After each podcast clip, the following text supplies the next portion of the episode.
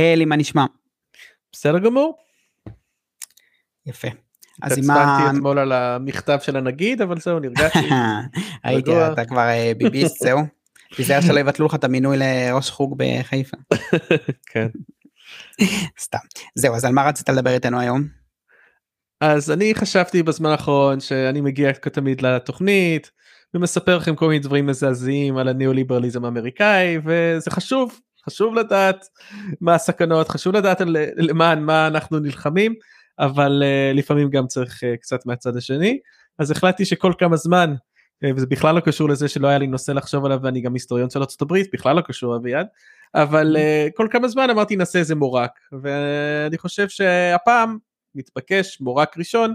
אני אדבר קצת על הניו דיל כי אני חושב שגם פה בארץ כבר המושג כמו ה Green New Deal זה מושג שמוכר ואני חושב שהרבה אנשים מדברים על ניו דיל וזה כבר משהו בשנים האחרונות בשיח האמריקאי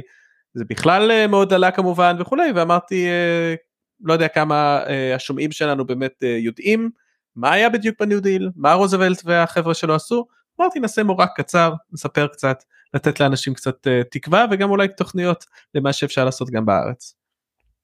מעולה נשמע חשוב ביותר באמת גם בארצות הברית הניו דיל זה כאילו שאומרים Green New Deal זה מכוון לאוזניים אמריקאיות שהניו דיל זה חלק משמעותי בהיסטוריה שלהם בישראל זה מוכר אבל לא בטח לא כמו בארצות הברית וצריך קצת רענון בנושא הזה. נכון אז אה, טוב אז קודם כל כשאנחנו מדברים על הניו דיל אז כמובן קשה לדבר עליו בלי לדבר על מה שהיה לפני זה וזה כמובן השפל הכלכלי הגדול. אני לא אכנס פה לגורמים של השפל הכלכלי הגדול, ללמה למה זה קרה דווקא ב-29 וכולי, אני רק אגיד שמה שחשוב לנו להבין, בשביל להבין את הניו דיל, זה קודם כל שכאשר אה, רוזוולט נכנס לתפקיד ב-1932, אז הוא נכנס אחרי בעצם ארבע שנים אה, של הובר, שהובר היה ככה אמור להיות כאילו הנשיא האולטימטיבי, הוא היה איש אה, שעשה מלא כסף בשוק הפרטי, הוא היה מיליאר, מיליונר או אפילו מיליארדר אני מניח במושגים של היום, אבל הוא גם היה לו יכולות לוגיסטיות טובות, הוא ניהל את כל מערך האוכל במלחמת העולם הראשונה, והוא היה ככה עמדה שלו שהייתה עמדה כמובן המובהקת בשנות ה-20, היה עמדה של לזה פר, אבל, אבל לא רק, כלומר לזה פר, אבל גם אה, שיש תפקיד לממשלה, יש תפקיד למדינה, אבל בעיקר אה, לעזור לאנשי עסקים בצורה וולונטרית ככה לנהל את המשק. אז uh, בסופו של דבר מדובר uh, בתקופה שבה ההגמוניה היא לחלוטין של שוק חופשי, שמדינה לוקחת חלק מאוד מאוד מאוד קטן אה, בהתערבות הממשלתית, אין מדינת רווחה בשלב הזה בארצות הברית, אין אה, שום דבר אפילו שמזכיר את זה, באירופה כבר יש תהליכים אה, שמתרחשים, היה מה שנקרא עידן פרוגרסיבי בתחילת המאה ה-20 בארצות הברית, לא אכנס לזה פה, אבל בסופו של דבר אפשר להגיד שארצות הברית ערב מלחמת, ערב השפל הכלכלי הגדול, זה מדינה באמת שהממשלה מתערבת בכלכלה בצורה מאוד מאוד מאוד נמוכה, וזה גם מדינה ש... אה, אה, כלכלה שהפערים החברתיים שלה אה, הולכים וגדלים וגדלים. כן צריך להגיד שמדובר במעצמה תעשייתית מטורפת. שנות ה-20 עד השפל הכלכלי הגדול כמובן זו תקופה של תיעוש מאוד מוגבר בעיקר בכל מה שקשור לתעשיית הרכב מה שקוראים לו היום הפורדיזם וכולי.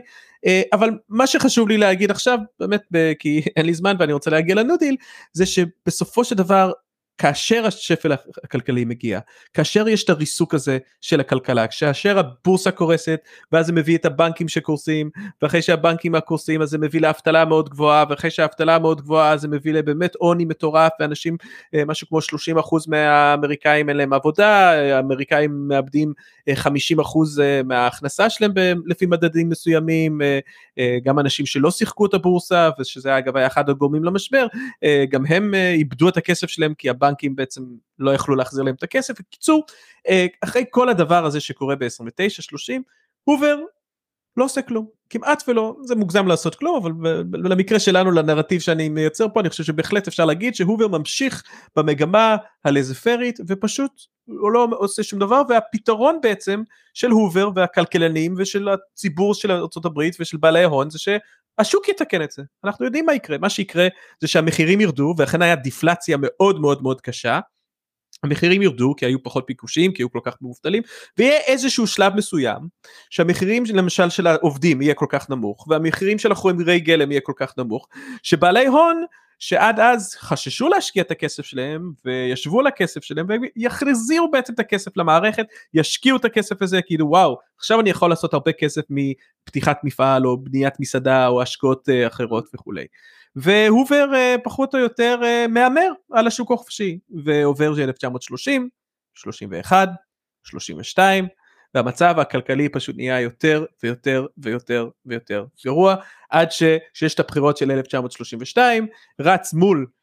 הרברט uh, הובר uh, מושל צעיר מניו יורק רוזוולט שהוא מדבר בשפה כבר אחרת uh, והוא מדבר על שפה של כן שהמדינה צריכה להתערב יותר, שכן המדינה צריכה לקחת יותר אה, אה, צד, צדדים יותר אגרסיביים להתמודד עם הבעיה הזאת, שהשוק החופשי לא יציל אותנו, והוא מנצח בפער מאוד מאוד מאוד גדול את הובר, כלומר בסופו של דבר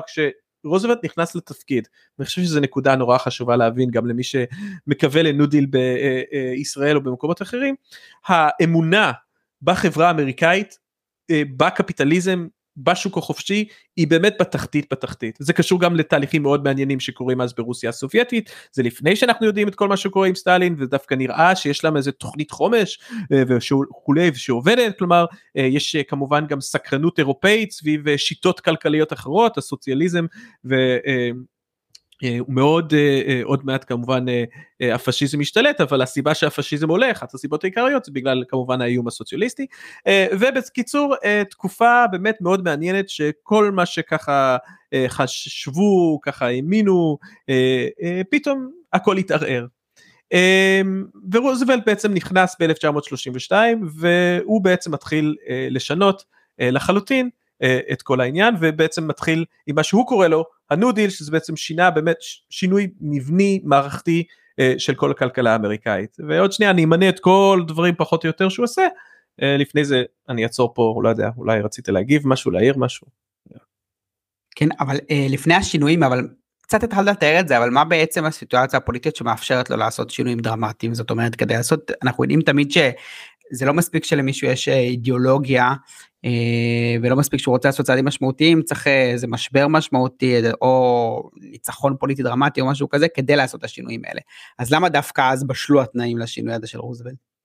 השאלה מעולה. אז אני חושב שצריך להבין שההיסטוריה האמריקאית רוזוולט הוא במפלגה הדמוקרטית המפלגה הדמוקרטית לאורך רוב ההיסטוריה שלה הייתה מפלגה אה, דרומית מפלגה של בעלי עבדים ובעצם אפשר להגיד שאחרי מלחמת האזרחים שמפלגה הרפובליקאית מפלגה של אברהם לינקן וכולי אה, היא המפלגה שרוב הזמן רוב אה, אה, הידה על העליונה רוב הנשיאים יוצאים משם ובעצם יש פה איזשהו סוג של מהפך אבל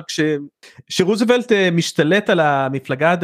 דמוקרטית הוא בעצם עושה קואליציה חדשה קואליציית הניו דיל שאפשר להגיד שפחות או יותר מחזיקה מעמד מ-1932 עד 68 והקואליציית ניו דיל הזאת היא בעצם קואליציה מעמדית קואליציה כמו הדברים שאנחנו מכירים מדברים עליו הרבה בארץ בשמאל קואליציה שבעצם הדבק שיחבר אותה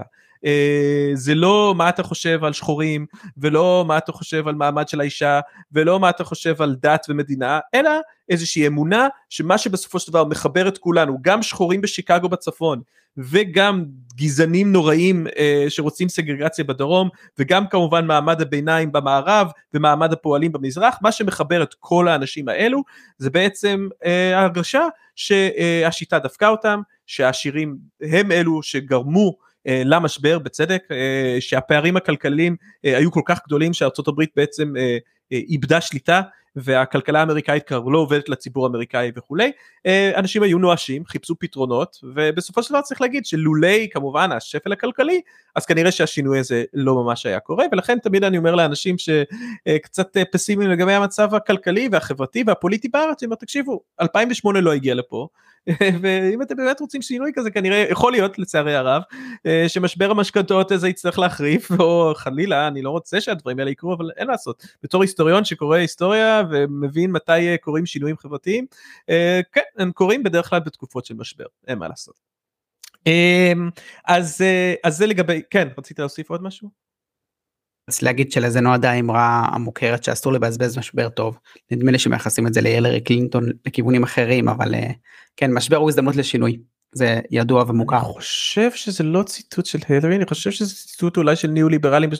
בשנות ה-80 זו שאלה טובה ומאיפה זה הגיע אבל כן וצריך להגיד שבהרבה מובנים כמובן עלייתו של ברני סנדרס בארצות הברית זה לא היה קורה בלי המשבר של 2008 מצד שני אפשר להגיד בהרבה מובנים שאובמה לחלוטין בזבז את המשבר של 2008 אחת הסיבות למה אני כל כך כועס על אובמה ואני חושב שהוא היה אחד הנשיאים הכי מזיקים בהיסטוריה של ארה"ב. אמ,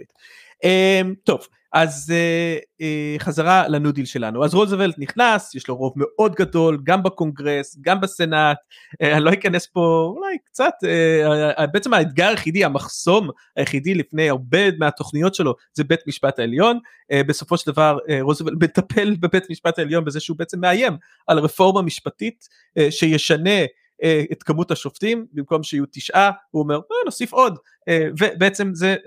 הלחץ הזה עובד ובסופו של דבר אה, יש שופט אחד שאחרי שבית המשפט העליון מבטל או מנסה לבטל הרבה מהתוכניות של הניו דיל אה, פתאום אחרי שהוא מאיים בעצם על זה פתאום שופט אחד עובר לצד השני אה, a stitch in time saves nine זה הביטוי שנותנים לזה אבל בכל מקרה אפשר להגיד בגדול שיש לרוזוולט מבחינה קואליציה רוב מאוד מאוד מאוד גדול ויכול להעביר המון המון מאוד דברים יחסית בקלות ומהר. במובן הזה זה כמובן החלום של כל פוליטיקאי ולכן אי אפשר להשוות את רוזוולט אה, לביידן לא רק בגלל שלביידן אולי אין את החזון של רוזוולט אבל צריך גם להגיד לטובתו של ביידן גם לא היה לו את התנאים אה, אה, אלה לעומת אובמה שהיה לו 60 סנטורים ש... אבל לא ניכנס לזה. טוב אז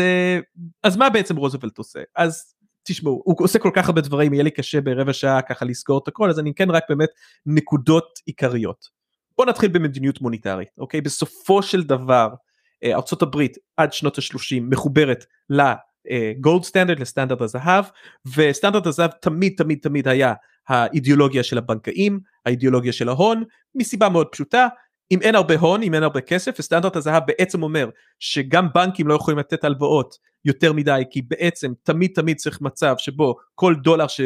שאתה נותן למישהו דולר נייר אז בסופו של דבר הוא יכול בטח לא יעשה את זה בדרך כלל אבל הוא יכול ללכת לבנק ולקבל איזה מטבע אה, זהב. אה, וגם המדינה האמריקאית לא יכולה להגיד להוציא להגדיל בצורה מאוד משמעותית את ההוצאה הציבורית כי היא צריכה לגבות כל דולר שהיא מדפיסה בזהב כלומר זה מצב שבעצם מקטין את היצע הכסף. אה,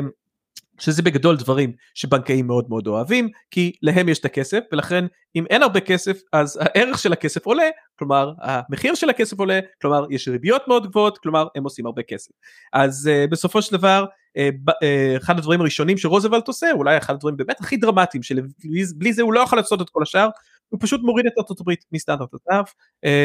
ובעצם זה כבר מאפשר לו בעצם להתחיל לשחרר את uh, uh, הדפסת הכסף ולהתחיל להגדיל בצורה משמעותית את היצע הכסף uh, ככה שבעצם הוא יוכל uh, לעשות את כל התוכניות האחרות שלו. בלי זה הוא לא ממש uh, יכול לעשות את זה שאחד התוכניות הראשונות שלו זה גם דיפלציה עצמה אוקיי? אה, דיפלציה אה, מצב של הורדת מחירים זה דבר שמאוד מאוד עוזר לאנשים אה, שבנקאים שהם נותנים את ההלוואות כי מה שקורה זה שכאשר אתה מחזיר את ההלוואה אז בדיוק ההפך מאינפלציה. אינפלציה לא צמודה למדד אל תדאגו היום זה כבר לא היה קורה אבל בשנות ה-80 מי שמכיר את הסיפורים על ישראלים שנמחק להם המשכנתה בגלל שהאינפלציה עלתה אז דיפלציה בעצם עושה ההפך. דיפלציה בעצם לקח את ההלוואה ופתאום בסוף השנה בעיקר זה היה עיקרים היית צריך לשלם יותר ממה שלקחת הלוואה בתחילת השנה בצורה משמעותית בגלל שהערך הכסף אה, בעצם התחזק. אה, במקום לרדת. אז הוא מנסה גם לפתור את הבעיות האלה, בעצם מנסה להכניס אינפלציה למערכת, להדפיס הרבה יותר כסף וכולי. ולכן אם אתם רוצים לדבר על דיונים היום כמו MMT או אפילו פשוט להגדיל את ההוצאה הציבורית או אפילו לדבר על דיונים כמו על של מי בעצם צריך להיות אחראי על היצע הכסף והאם זה נושא פוליטי או משהו שאפשר רק להשאיר אה, קומץ קטן של טכנוקרטים אה, בבנק אה, ישראל שמחוברים בדרך כלל לשוק ההון אז אה, הנה אנחנו רואים דוגמה שהניו דיל גם מערער על המוסכמות האלה כמובן אז זה היה משהו אחר זה היה סטנדרט הזהב זה לא היה בנק, בנק המרכזי העצמאי במרכאות אבל אתגרים פוליטיים זה אתגרים פוליטיים. עוד דבר כמובן מאוד מאוד מרכזי שרוזוולט עושה זה שהוא בעצם גם בצורה עצמאית אבל גם אה, יש לזה קצת ויכוחים מקשיב לכלכלן בשם קיינס ובעצם מה שקיינס אומר ממש בקצרה זה אומר תקשיבו אל תבנו על, הש... על ההון שהוא יחזיר את הכסף לשוק. כלומר אל תבנו על ההון שהוא ישקיע את הכסף בחזרה. אה, בעצם יש פה איזשהו רגע משברי מאוד שאמריקאים מסתובבים הם רואים מצד אחד מלא מלא מובטלים, מצד שני הם רואים את המכונות, רואים את המפעלים, שום דבר לא נהרס, לא היה איזשהו אה, אה, אה, רעידת אדמה שמחקה את כל ההון התעשייתי בארצות הברית, אבל איכשהו אי אפשר להכניס את האנשים לתוך המפעלים. והסיבה שאי אפשר לעשות את זה, זה בגלל שההון לא מוכן להשקיע את הכסף הזה. אחרי השפל הכלכלי הגדול, בעצם מה שקיינס אומר, זה שיש המון המון חוסר ודאות, ויש רצון לכסף מאוד נזיל, מה זה אומר? זה אומר שאני רוצה להשאיר את הכסף שלי בדברים כמו בחשבון בנק, כמו באגרות חוב, כמו במצבים כאלה שבעצם אני לא פוחד ש, ש, שאני יכול תמיד להמיר את זה אה, בכסף מזומן. להשקיע עכשיו במכונה ענקית או להעסיק המון אנשים או לבנות מפעל חדש זה לא כסף נזיל, זה דורש איזושהי ראייה עתידית רחוקה אופטימית לגבי איך שאני הולך להחזיר את כל התשואה וכולי ובעצם מה שקיינס אומר זה שההון לא הולך לעשות את זה. הוא הולך לשבת על הכסף שלו הוא גם הבעיה היא שההון לא מבזבז את הכסף שלו אוקיי? כמה יכטות הוא יכול כבר לקנות? זה הון הם עשירים הם לא יכולים להוציא את כל הכסף שלהם על צריכה. אז מה שבעצם קורה זה שהמערכת נתקעה הכסף נשאר בידיים פרטיות אבל הוא לא זורם לתוך המערכת הכלכלית. ובעצם המסקנה של אה, רוזוולט היא שאם ההון הפרטי לא יעשה את זה אז המדינה צריכה לעשות את זה. והדרך שהוא גורם למדינה לעשות את זה זה בעצם בשני דרכים קודם כל מיסוי מאוד מאוד מאוד גבוה על ההון. אחד הדברים הכי חשובים שהניו עושה זה שהוא מגדיל בצורה באמת באמת מטורפת את המיסים על ההון. בין אם זה מס תאגידים מס אה, אה, אה,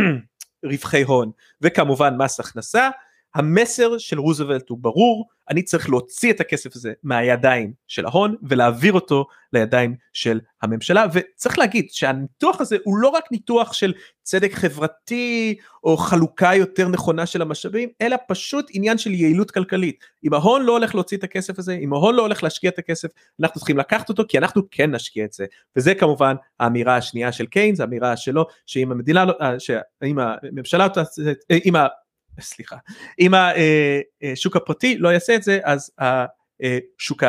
הציבורי בעצם ההון הציבורי ההוצאה הציבורית היא צריכה להשקיע את הכסף הזה ואכן אנחנו יודעים פרויקט הניו דיל חלק גדול מזה זה הגדלה אה, משמעותית מאוד של ההוצאה הציבורית בארצות הברית אה, שכמובן הולך לכיוונים מאוד מאוד מאוד מגוונים אבל בגדול הסמל אולי שיותר גדול מכל אחד דבר אחר זה העבודות היזומות. בעצם פשוט להתחיל להעסיק אנשים בין אם זה העסקה של מאות אלפי אה, שחורים אמריקאים עניים אה, בצפון ופשוט לשתול אה, עצים, שתלו בערך מיליארד עצים בזמן הניו דיל, או האם זה הוצאה ציבורית שבונה מערכת חשמול ענקית שנקרא Tennessee Valerie Authority, שזה בעצם היה מערכת סכרים אדירה שעדיין עובדת עד היום בצורה נפלאה, שמספק חשמל מבעצם מערכת סכרים, או האם מדובר בכל מיני תוכניות אחרות,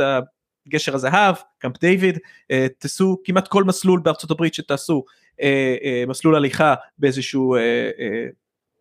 שמורת טבע סביר להניח שהסלילו את זה בזמן הניו-דיל ואפילו דברים אחרים שדיברנו עליהם כבר בתוכנית הזאת אביעד המון המון המון פשוט השקעות ציבוריות. הבריכה הציבורית שהייתי הולך אליה בקיימברידג'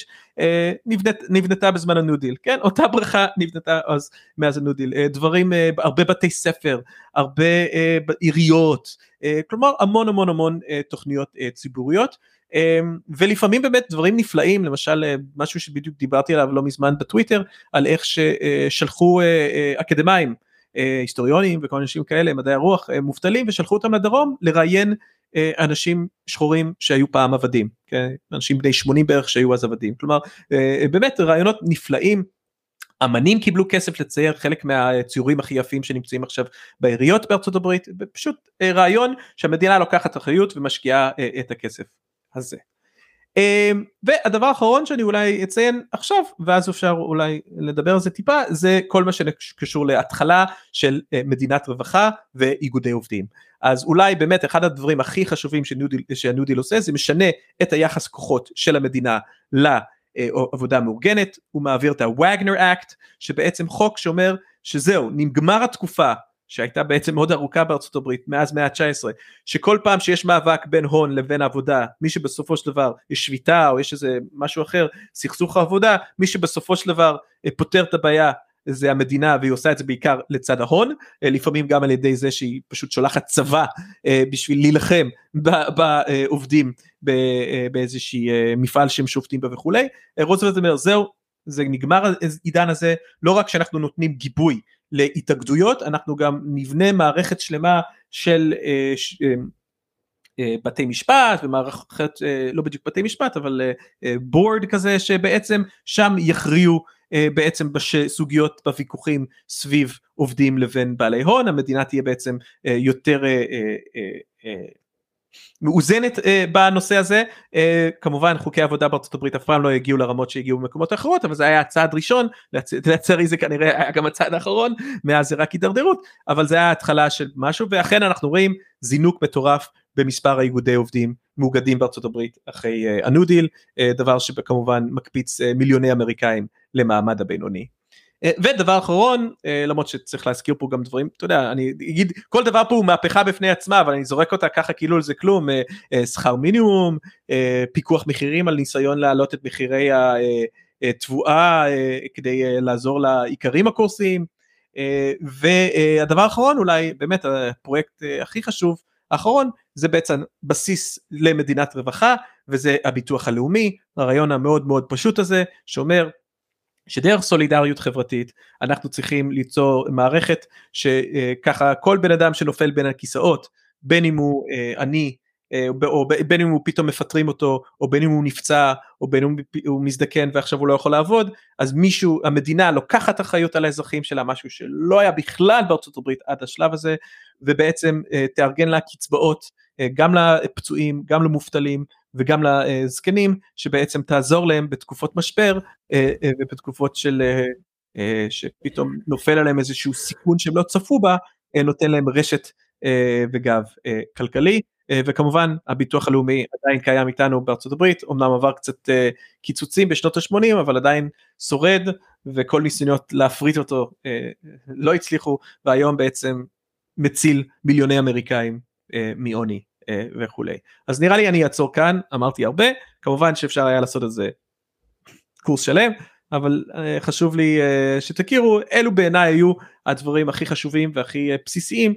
שהניו דיל עשה, שבעצם אפשר לארה"ב להגיע באמת לתקופה של שנות ה-40, 50 ו-60 עד אמצע שנות ה-70, שתקופה עם אחוזי הצמיחה הכי גבוהים, עם האי שוויון הכי נמוך ועם הקפיצה של הכי הרבה אנשים למעמד הבינוני, אני לא יכול לסיים בלי כמובן לבקר קצת את הניו דיל אז יש המון ביקורות על הניו דיל מכיוון שמאל. אפשר לדבר על זה שהיו הזדמנויות לעשות יותר. אה, אני לא אכנס לזה פה. אלו דיונים מעניינים זה דיונים שהעסיקו המון אנשים בשנות ה-60 ה-new left היום אחרי העידן הניאו-ליברלי זה נראה קצת אחרת ואנחנו עולים על נס על זה שבכלל הצליחו לעשות את כל הדברים האלה. אה, אבל בסופו של דבר ביקורת אחת שכן מושמעת בארצות הברית ובצדק זה שבגלל הקואליציה הפוליטית של רוזוולט בגלל שהוא היה תלוי מאוד בדרום בשביל להעביר את החוקים האלה אז חלק מהתוכניות של הניו דיל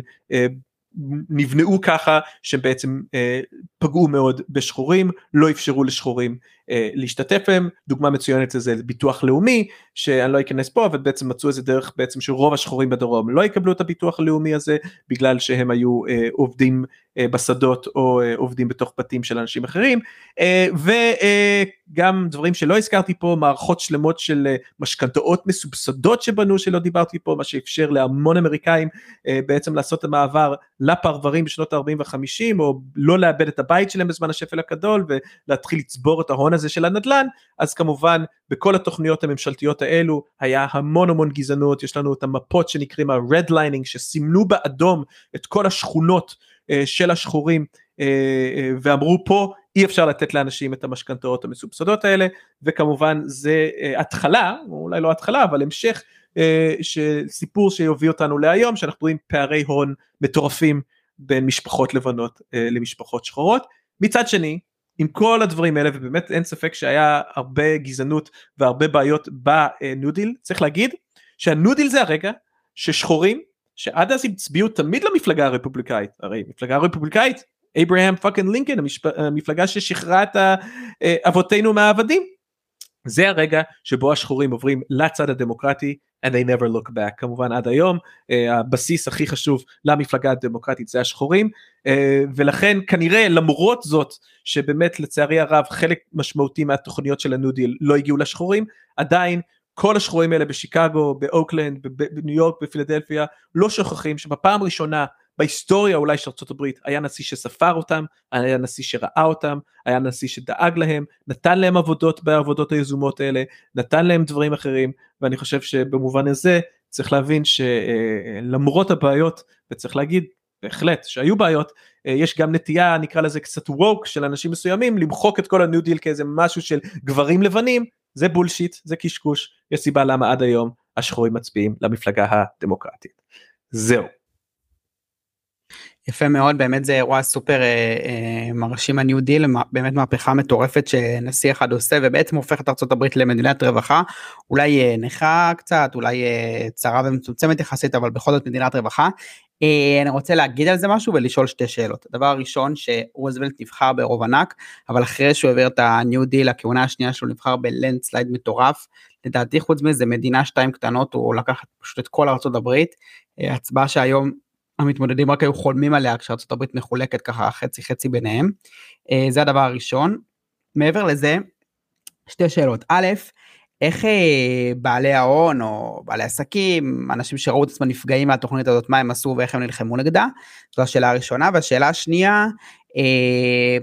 ברור שהסיפור הזה קשור גם לשפל הגדול וגם הזכרת את זה, הטענה המקובלת בקרב אה, הדמוקרטים, תומכי הניו דיל היא שהניו דיל בעצם אה, הוציא את ארה"ב מהשפל הגדול, לעומת זאת חלק מההיסטוריונים וכלכלנים בעיקר מימין טוענים שזה מה שהוציא מהשפל הגדול זה בעיקר מלחמת העולם השנייה, רציתי לשמוע מה דעתך על שני אלה.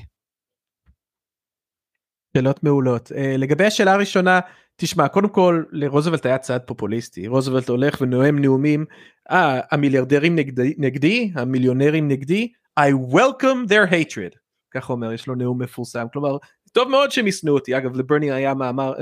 אמירה דומה. אה, הם באמת צריכים לפחד ממני. אז אז במובן הזה רוזוולט ידע להיות פופוליסט והוא היה נחשב a traitor to his class בוגד מעמדי הרי הוא הגיע ממשפחה אליטה אה, מניו יורק רוזוולט היא משפחה אחת המשפחות העשירות ביותר בארצות הברית אה, ובעצם הייתה פה איזושהי בגידה בעיניי דווקא זה מעניין להגיד שאולי דווקא בגלל שהוא הגיע מההון אז היה לו את הכוח את הביטחון העצמי ואת היכולת אה, להיות אמיץ מספיק בשביל להתנגד אליהם. מצד שני צריך להגיד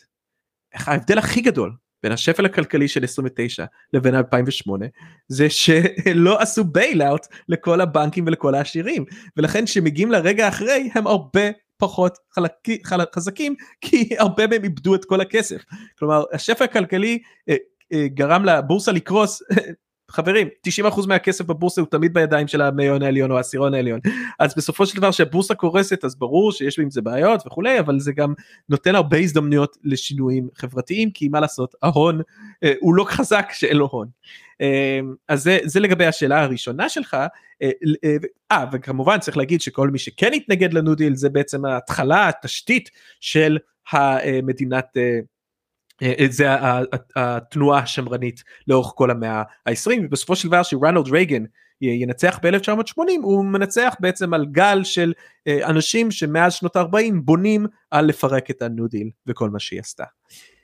לגבי השאלה השנייה אני רק אני אני אנסח את זה קצת אחרת כי אני, אני חושב שבגדול מה שהימין אומר וזה מגיע מספר מאוד חשוב של מילטון פרידמן בשנות ה-60 שמילטון פרידמן הבין שבעצם אם הוא הולך לשכנע אנשים שצריך ניאו-ליברליזם אז הוא חייב נרטיב היסטורי חדש כי הנרטיב ההיסטורי שהיה אז קיים שהניו דיל והמלחמה השנייה ותכף אני אדבר על זה ביחד הם אלו שהוציאו ארצות הברית מהמערכת הזאת זה קצת בעייתי כי גם מלחמת העולם השנייה זה בעצם סוציאליזם על סטרואידים. זה ניו דיל רק יותר אוקיי? יותר איגודי עובדים יותר פיקוח מחירים יותר הוצאה ציבורית. אז אה, אז מה שפרידמן עושה הוא יוצר נרטיב שאומר חברים הכל היה יכול להימנע, השוק החופשי היה עובד פיקס, כל השפל הגדול הזה היה נמנע, רק דבר אחד, הבנק המרכזי לא, לא, לא הוריד ריביות. אם רק היו עושים מדיניות מוניטרית נכונה, כל זה היה נמנע, כלומר הוא בעצם מאשים את המדינה, או יותר נכון את הבנק המרכזי, ובעצם ככה פותר את כל הרעיון של השוק החופשי מאחריות על הדבר הזה, ואומר זה היה נגמר במשברון לולא הסיפור הזה. ולכן חשוב לכם להבין למה אני כל כך מתעצבן על אה, אה, שליטה של הנגיד בכלכלה זה מילטון פרידמן אוקיי? אין שום הבדל בין מה שאומר היום הנגיד למה שמילטון פרידמן אומר. אותה ראיית עולם שבה אומרת שאסור למדינה באמת לעשות שינויים משמעותיים ורגולציות חזקות צריך להשאיר את זה לנגיד. זה פשוט פרידמן זה ימין קיצוני כלכלי זה לא ימין מתון זה קיצוני להאמין בעצמאות של בנק המרכזי אפילו זה ימין קיצוני חשוב לי להגיד אוקיי בתור פופוליסט גם גם רוזוולט אה, חשב ככה. אה, לגבי העניין של מלחמת העולם השנייה אז יש, יש לי שתי תשובות. אז תשובה ראשונה בעצם כבר נתתי שבעצם מלחמת העולם השנייה היא באמת מוכיחה את כל הטענות אה, של קיינס ושל רוזוולט כי אז באמת הבעיה עם רוזוולט זה שהוא באמת לא הלך על הסוף כלומר בזמן הניו דיל אה, ההוצאה הציבורית עלתה אבל לא עלתה מספיק והיו פתאום קטעים שהוא חשב אה טוב אפשר כבר להוריד והוא לא ואז היה עוד תקופה של שפל. אז זה נכון השפל הכלכלי הגדול לא מסתיים עד מלחמת העולם השנייה אבל זה רק בגלל שבמלחמת העולם השנייה באמת הולכים עד הסוף עם הפרויקט הקיינזיאני סוציאל דמוקרטי ניו דיל הזה וכולי אה, שבאמת מי שרוצה להסתכל על הגרף של ההוצאה הציבורית של ארה"ב זה פשוט זה עולה אבל אז מזנק אה, בשנות ה-40. אה, דבר שני שאני אגיד שלולי הניו דיל אני לא חושב שכל התשתית שאפשרה לצאת מהשפל הכלכלי הגדול היה מתאפשר כלומר למשל מה שקורה בזמן מלחמת העולם השנייה זה יש איגודי עובדים מאוד חזקים שמצליחים אה, להגיע לעליות שכר מאוד משמעותיות שמוציא את הברית מהשפל הכלכלי הגדול. לולי הניו דיל כנראה שלא היה את התשתית הזאת של איגודי עובדים שאגב צריך להגיד זה לא רק רוזוולט זה אה, הרבה חבר'ה קומוניסטים בשנות ה-30 הרבה יהודים קומוניסטים בסופו של דבר מי שבאמת בנה את הניו דיל מלמטה וחשוב לי נורא לציין הניו דיל זה לא רק איזה משהו שרוזוולט עושה מלמעלה זה חבר'ה שמאלנים רדיקליים שנכנסים לכל מפעל בארצות הברית לכל מקום ונכון רוב העובדים במפעל הם לא אתה יודע אה, סופר רדיקליים סוציאליסטים שקראו לנין ומרקס אבל הם אה, מבינים שבעצם האיגוד עובדים לטובתם וה labor organizers שהם כן בדרך כלל אנשים אידיאולוגיים מצליחים, מצליחים לסחוף אחריהם אה, מיליוני אמריקאים בכל ארצות הברית ובונים בעצם את התשתית הפוליטית גם אה, של איגודי עובדים ש... אה, התחזק לצערי הרב מי שלא יודע את הסיפור ב-1947 רגע אחרי מלחמת העולם השנייה כבר אנחנו מקבלים ככה את התגובה ומחלישים את איגודי עובדים. אז אף פעם לא באמת היה הזדמנות לארה"ב להפוך למדינת סוציאל דמוקרטית כמו באירופה. כלומר השינוי הגדול בעיניי אם אתה מחפש את רגע המפנה הכי דרמטי של מה של למה ארה"ב היא לא צרפת ואז ברור שיש פה דברים ארוכי טווח והיסטוריות שונות וכולי אבל מה שקורה ממש בשנים אחרי מלחמת העולם השנייה אלו השנים הקריטיות. יפה מאוד תודה על התשובות אמ, אז נעבור לנושא הבא. כן אני סקרן לשמוע על מה על מה נדבר עכשיו. יפה אז אני, אני קורא בימים האחרונים אה, ספר שכתבו אה, שני כלכלנים מאוד מפורסמים אה, היום פעילים שני כלכלנים מפורסמים שפעילים היום האחד זה, אני בטוח אומר את השם שלו לא נכון, זה דרונה ג'מולו. נכון, אני בטוח שלא ככה אומרים את זה. אני מכיר את זה אסמוגלו. כן, ככה כותבים את זה, אבל הבנתי שלא מבטאים את ה... יכול להיות, לא שמע, הוא נכון. טורקי, אין לי מושג. כן, השמות שלהם באמת קשה לבטא אותם. והשני זה סיימון ג'ונסון, אה, שהוא סביר קצת יותר קל. כן, כן. אז הראשון הוא באמת כלכלן אה, ממוצא טורקי, היום הוא אמריקאי, שהוא נחשב לאחד הכלכלנים היותר משפיעים היום, הוא אה, תלוי קצת, הוא זז בטבלאות בכל פעם של הטבלאות הציטוטים, שזה המונדיאל של הכלכלן, של האקדמאים בכלל, אבל הוא בין הראשונים בכל מקרה במצוטטים, אה, סופר משפיע, מפורסם, מרצה ב-MIT, השני גם מרצה ב-MIT, הוא היה הכלכלן הראשי של קרן המטבע. הם כתבו כבר, זה לא הספר הראשון שלהם ביחד, כתבו ספר אה, מאוד מוכר, אה, אה, לדעתי זה ה-Y Nation Succeed או False, אני לא זוכר. ברח לי השם של הספר הקודם שלהם. בכל מקרה הם כתבו כזה ספר מאוד מפורסם ביחד והם הוציאו ממש לאחרונה ספר חדש שנקרא Power and Progress. Why Nations Fail אני... Why Nations Fail, כן, נכון, בדיוק. אז זה ספר עב כרס מאוד איזה 550 עמודים אז אני רק אה, אני באמצע שלו לא, לא קראתי הכל אבל uh, ככה רפרפתי על, ה, רפרפתי על, אה, על כל הספר סופר קריא אבל באמת uh, ארוך ו, ומפורט ואפשר לתמצת את הטענה שלו ככה באמת בכותרת שלו הקשר בין הכוח לקדמה. אה, בעצם מה שהם מנסים לעשות זה להפריך את הטענה ששיפורים טכנולוגיים כשלעצמם אה, משפרים את המצב של רוב, ה, של רוב החברה והם טוענים שבשביל באמת לשפר את המצב הזה צריך גם את הקדמה הטכנולוגית אבל צריך לצידה איזשהו כוח שידאג לפזר את התועלת לחברה. כתבתי לעצמי משפט מהספר שלהם שהוא במובן מסוים מתמצת את זה, uh, רוב האנשים החיים כיום נהנים מחיים טובים יותר מאבותיהם, מכיוון שאזרחים ועובדים בחברות תעשייתיות קודמות לתקופתנו, התארגנו, קראו תיגר על החלטות האליטות לגבי השימוש בטכנולוגיה ותנאי העבודה, וכפו עליהם דרכים שוויוניות יותר לחלק את הרווחים מהשיפורים הטכנולוגיים. כן, זה חתיכת אמירה, באמת שני, שני כלכלנים סופר מפורסמים ומוכרים אה, מהמיינסטרים הכלכלי, שהם בעצם אומרים שזה שאנחנו חיים טוב יותר מהאבות שלנו, זה לא רק בגלל שהיו שיפורים טכנולוגיים, זה גם, כמובן שזה קשור לזה, אבל זה בגלל שהיו שם אה, אזרחים, עובדים, אני אוסיף איגודי עובדים, אה, פוליטיקאים, נבחרי ציבור, שבעצם הם נלחמו באליטות שרצו להשאיר את את העושר אצלם ודאגו לחלק אותו בכל האוכלוסייה. הם מביאים שם כל מיני דוגמאות לדוגמה הם טוענים ששיפורים טכנולוגיים שהתרחשו אה, אה, בימי הביניים, כל מיני, גם במחרשה, גם בשיטות, בשיטות החקלאיות, הם בעצם רוב האוכלוסייה החקלאית לא ראתה אותם בגלל שהכסף פשוט הלך לאליטה של האצילים בעלי קרקעות ו, ואנשי הדת, ופשוט זה לא, זה לא התפזר ככה לכל האוכלוסייה כי לא היה לה כוח. אה, הם מביאים עוד דוגמאות, גם, גם מהמערב, גם ממקומות במזרח, גם מאפריקה, זה ככה מאוד מאוד רחב ומגוון, אבל הם באמת מנסים להראות לאורך כל ההיסטוריה ששיפורים טכנולוגיים זה אחלה וזה חשוב, אבל בלי כוח שדואג לפזר אותם, בלי כוח שדואג שזה לא יישאר רק בחלק מצומצם של האוכלוסייה, אמ, אז פשוט רוב הציבור לא נהנה מזה ורמת החיים שלו לא משתפרת.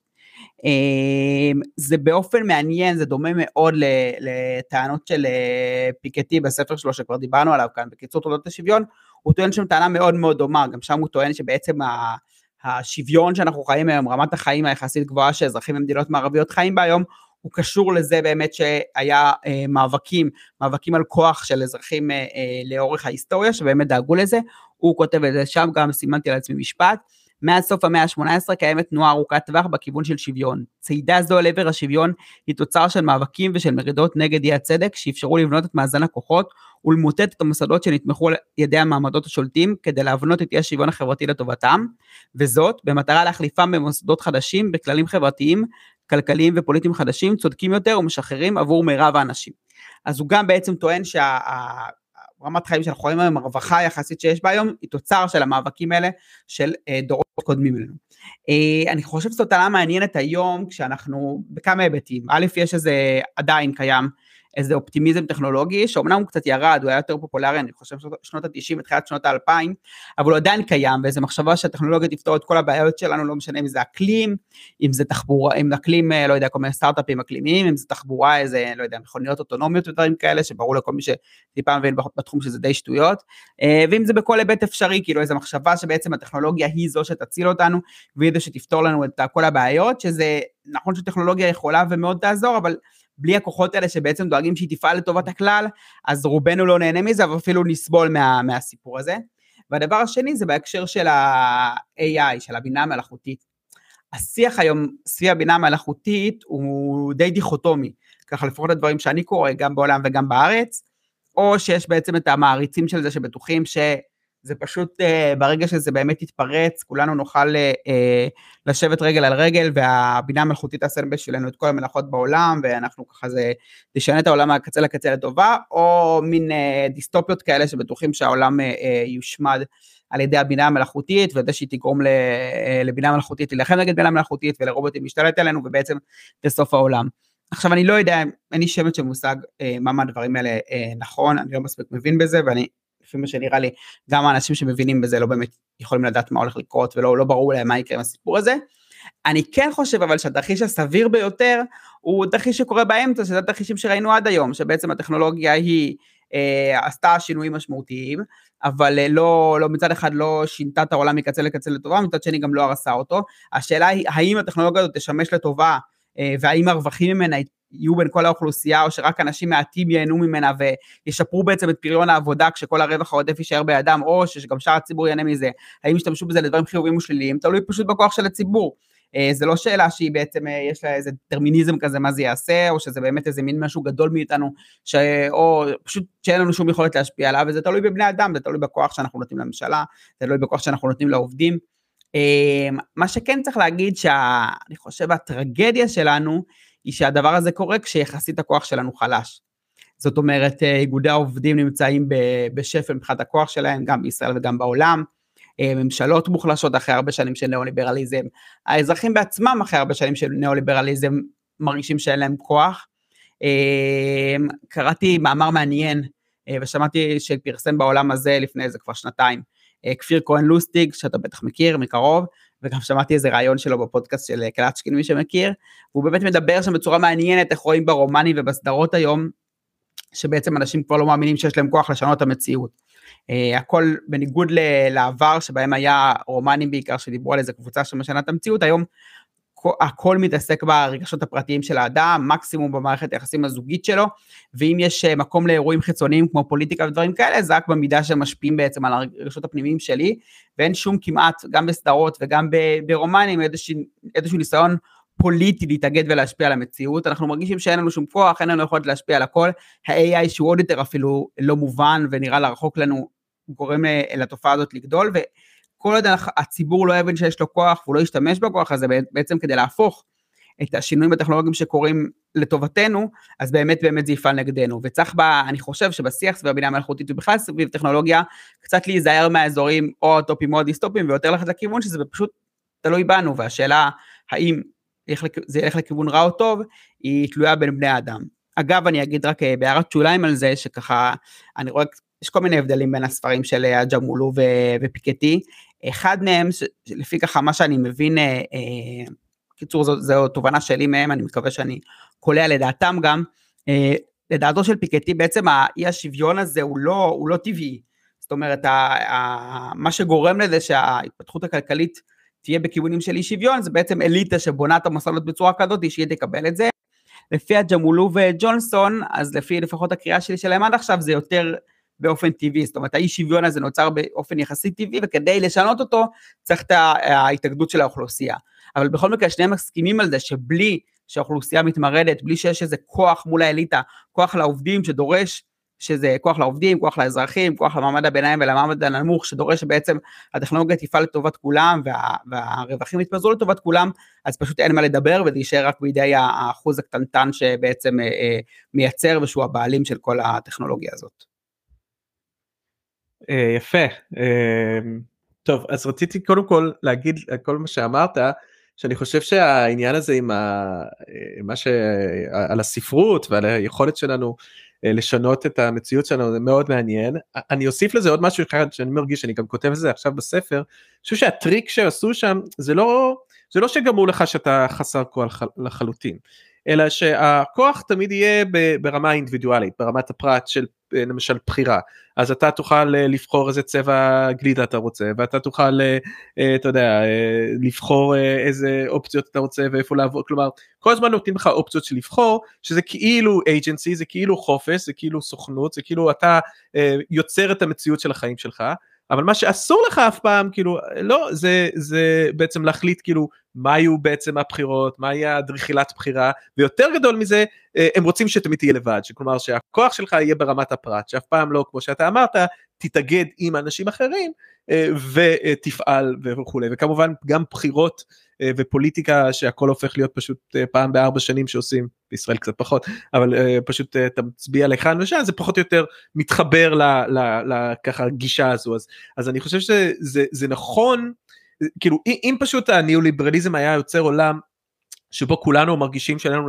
סיכוי לשנות שום דבר אז אני חושב שהוא היה פחות חזק פחות רזיליאנט uh, פחות אני חושב שדווקא הגאוניות של הניאו-ליברליזם זה שמצד אחד אתה לא באמת חושב שאתה יכול לשנות את המערכת אבל אתה כל הזמן כן חושב שכאילו אתה אחראי לחיים שלך ואתה בעצם מנתב את הדרך שלך ואתה כאילו אה, ו- וזה בעיניי אה, גם הגאוניות של השיטה וגם הנבזיות שלה שבסופו של דבר כל כך הרבה דברים הם מבניים ורק אם תעבוד בצורה קולקטיבית תשנה משהו אבל אה, תוקים אותך תמיד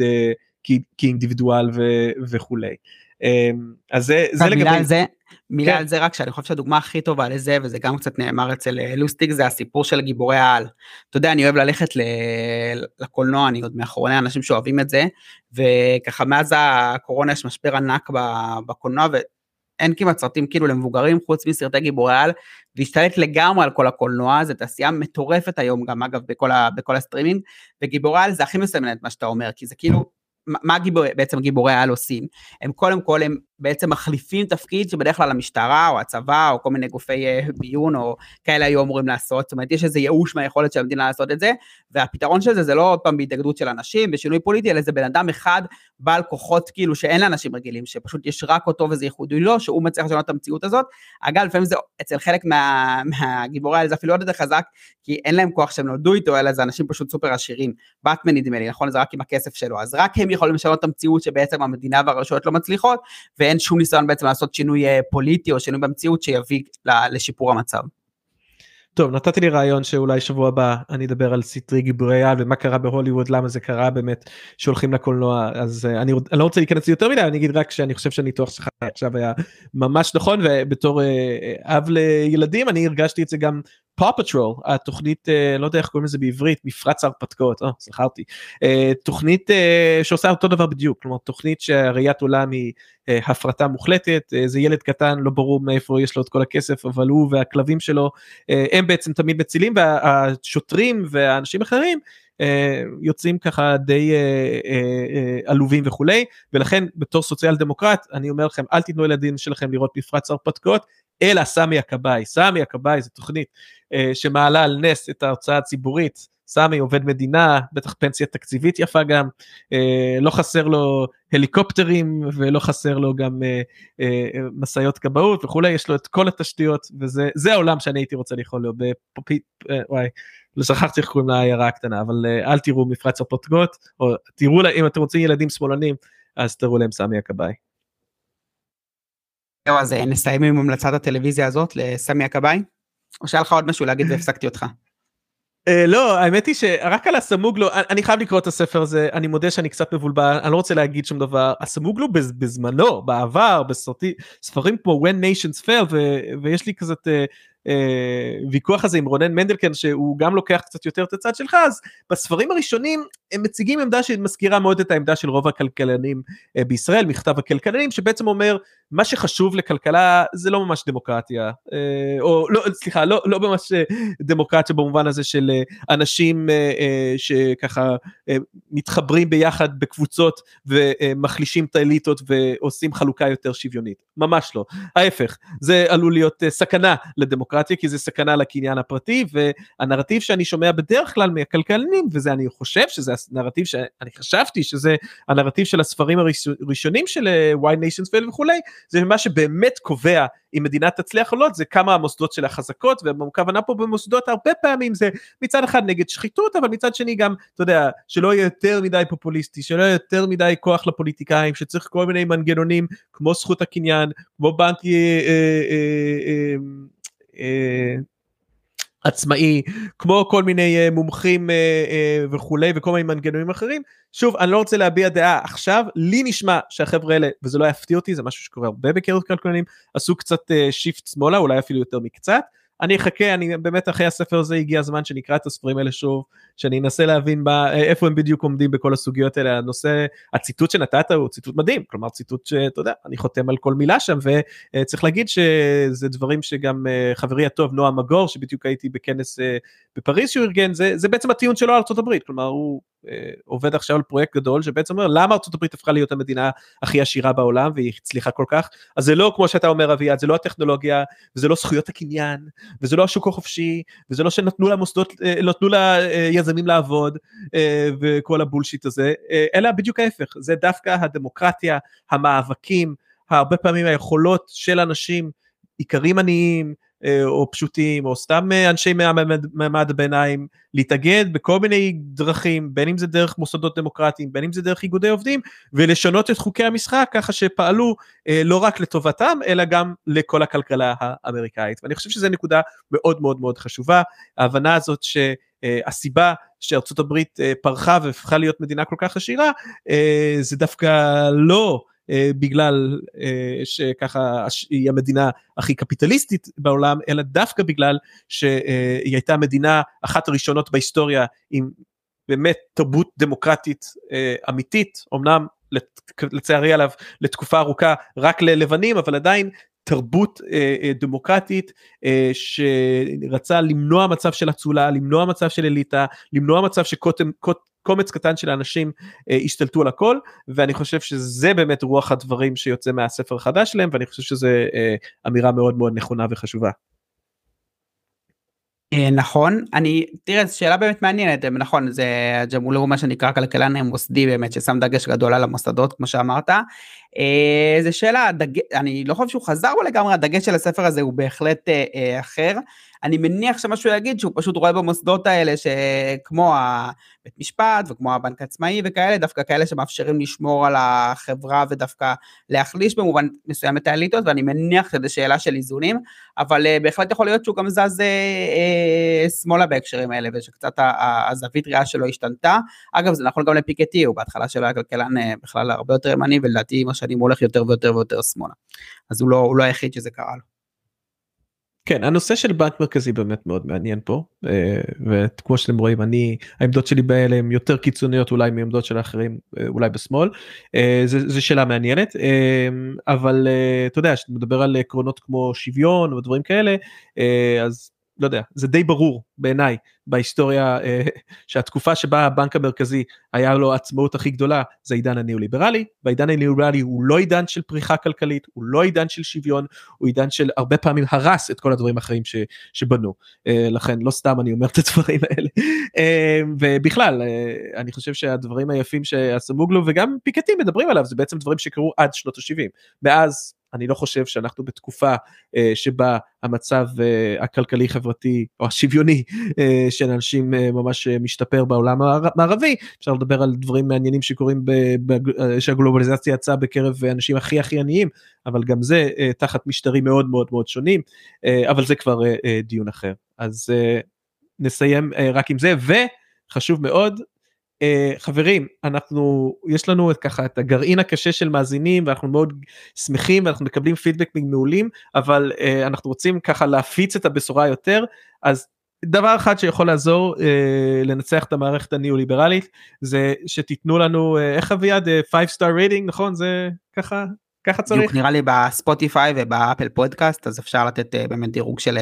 חמישה כוכבים אז נשמח מאוד לזה וגם נשמח כמובן אם תשתפו ככה את הפודקאסט ברשתות החברתיות תעבירו לחברים וכאלה זה יעזור לנו. כן. תודה רבה לכולכם וסמי הכבאי לא מפרץ הרפתקאות. יאללה תהנו לכם תהנו מהצפייה ביי.